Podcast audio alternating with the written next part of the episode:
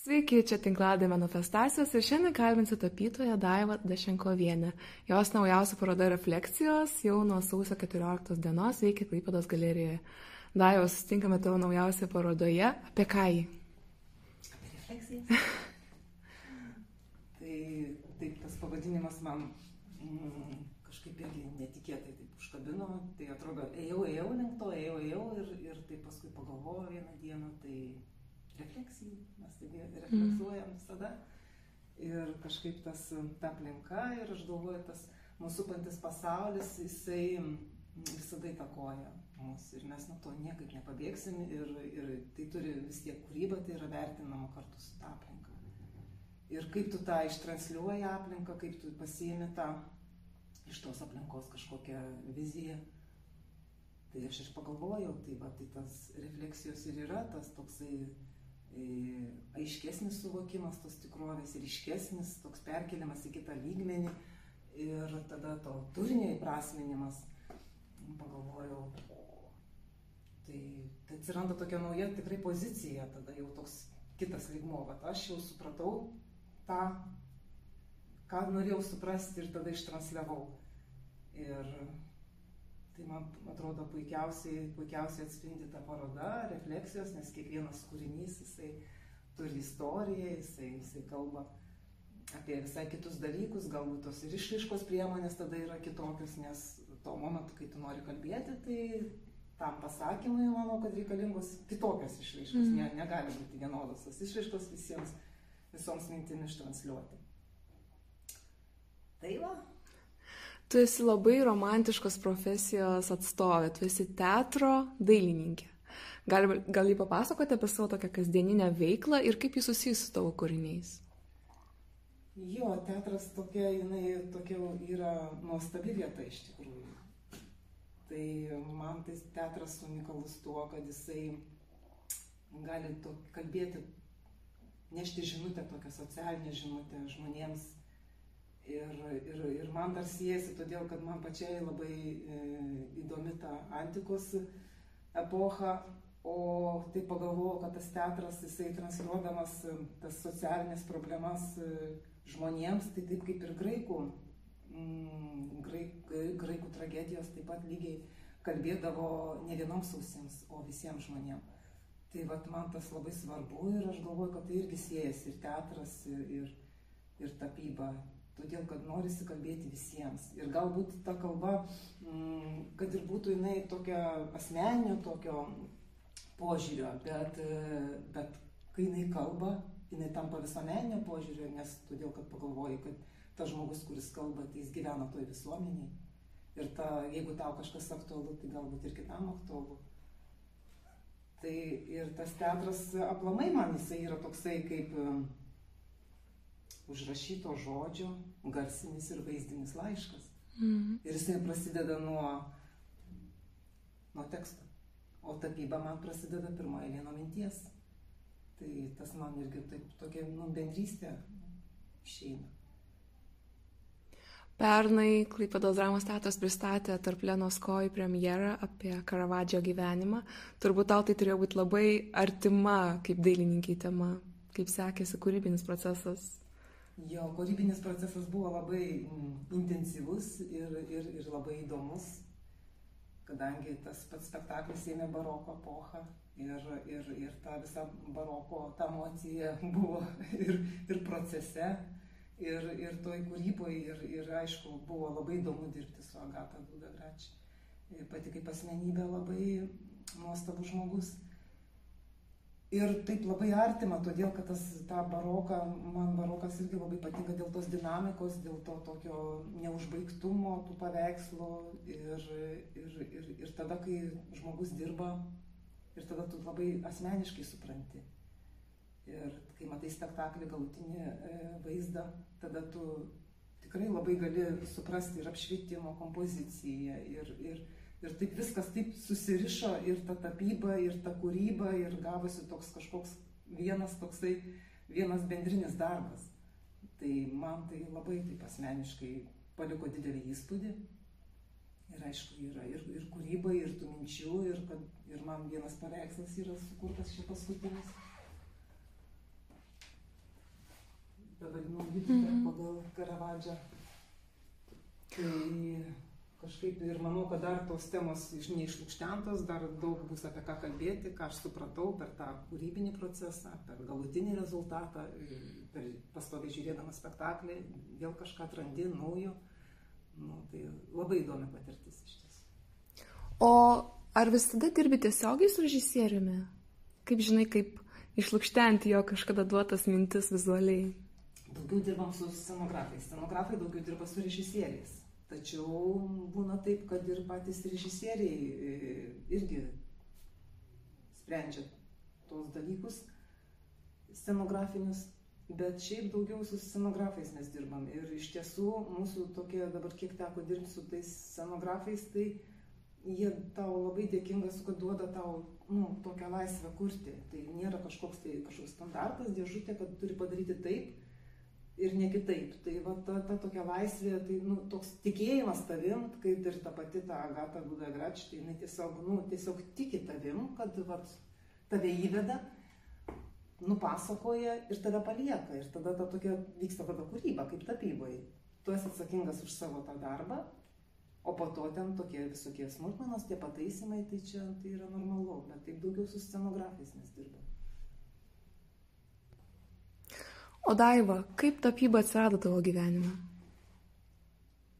Tapyba tai jinai visada buvo, mani, aišku, aš visą laiką taip, toks jau vaikas buvau, kad aš visą laiką pieždavau. Tai taip nebuvo, kad taip vieną dieną atsikėliau ir būsiu dailininkė. Tiesiog nuo pat e, mažų dienų ir kiek mama prisimena, tai mėgdavau užsidaryti ir piešti. Ir tik tais aš galvoju, kad va, tas toks pastovus tas noras daryti dar, dar toks kažkoks maniakiškas, toks, toks, toks nu, tas potraukis dar toliau eiti ir aš va, taip kažkaip kartais taip ir galvoju, nu kodėl tai, bet taip, taip tikriausiai ir turėjo būti, nes, nu, nesustojimas, va, kažkaip padarai, sustoji, ne, bet vis toliau dar, dar tas atkaklumas, va, toks matyti ir galvoju ir lėmė tą, tą profesijos pasirinkimą. O kokie dailininkai tave įkvėpdavo seniau ir kokie dabar?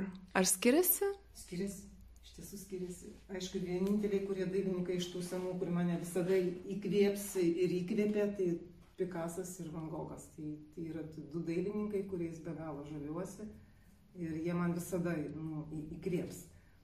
Uh, dabartiniai tokie menininkai man labai patinka, aš nežinau, belgų labai patinka aplamai tapyba ir ne tik tais jų ta mm, abstrakti tapyba, bet uh, ypatingai man patinka jeigu teisingai ištarsiu, Mikhailas Boremanas yra toks belgų tapytojas. Man labai jo patinka su figuratyvu, jisai taip labai ta tokia fokusuota pas į tapybą ir toks man irgi toks labai labai toks tvirtą tokį duoda tokį, mm. tokią pamatą ir kažkaip noris vat, analizuoti jo darbus. Tai vat, man taip irgi toks įkvėpimo aš iš jo gaunu. Tavo paveiksluose visada svarbus žmogus. Kaip tu jį atrakini, jeigu kas nors tau pozuoja? Kaip prisijaukini savo subjektą? Visą laiką prašau vaikų, nes kad papozuotų, nes nu, tiesiog reikia, kad aš irgi taip mėgstu, kad susistatyti kaip, kaip kokią scenografiją ir tada galiu ją keisti ir apšvietimą tada, parenku ten audinius, vat, mėgstu taip ir tada man reikia to žmogaus, tai vat, ačiū labai vaikams ir sūnui, ir Rokui, ir Karolinai, dukrai. Yra ir vyras pozavęs, tai, nu, tiesiog, vat, prašau, prašau ir, ir jie, nu, supranta, kad niekur nepabėgs, vis tik aš prašysiu talkomai. Tai vat, labai džiaugiuosi, nes tada man, tada yra taip labai gera kurti, kad tu matai priešai save modelį ir, tokia, ir, ir kartu ta bendrystė su, su artimaisiais.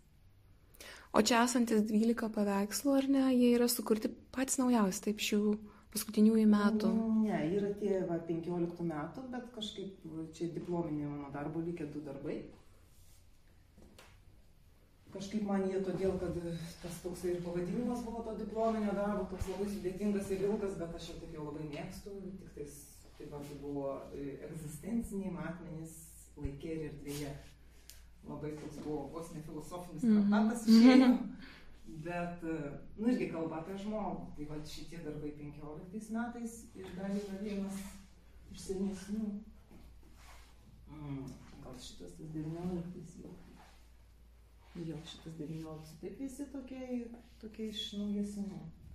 Vėlgi, aišku, nu, įtakoja tie spektakliai tą kūrybą, taip pat perskaitytos knygos, kelionės ar tai filmai, nu, tai įtakoja. Ir vat, buvo spektaklis e, Demonai.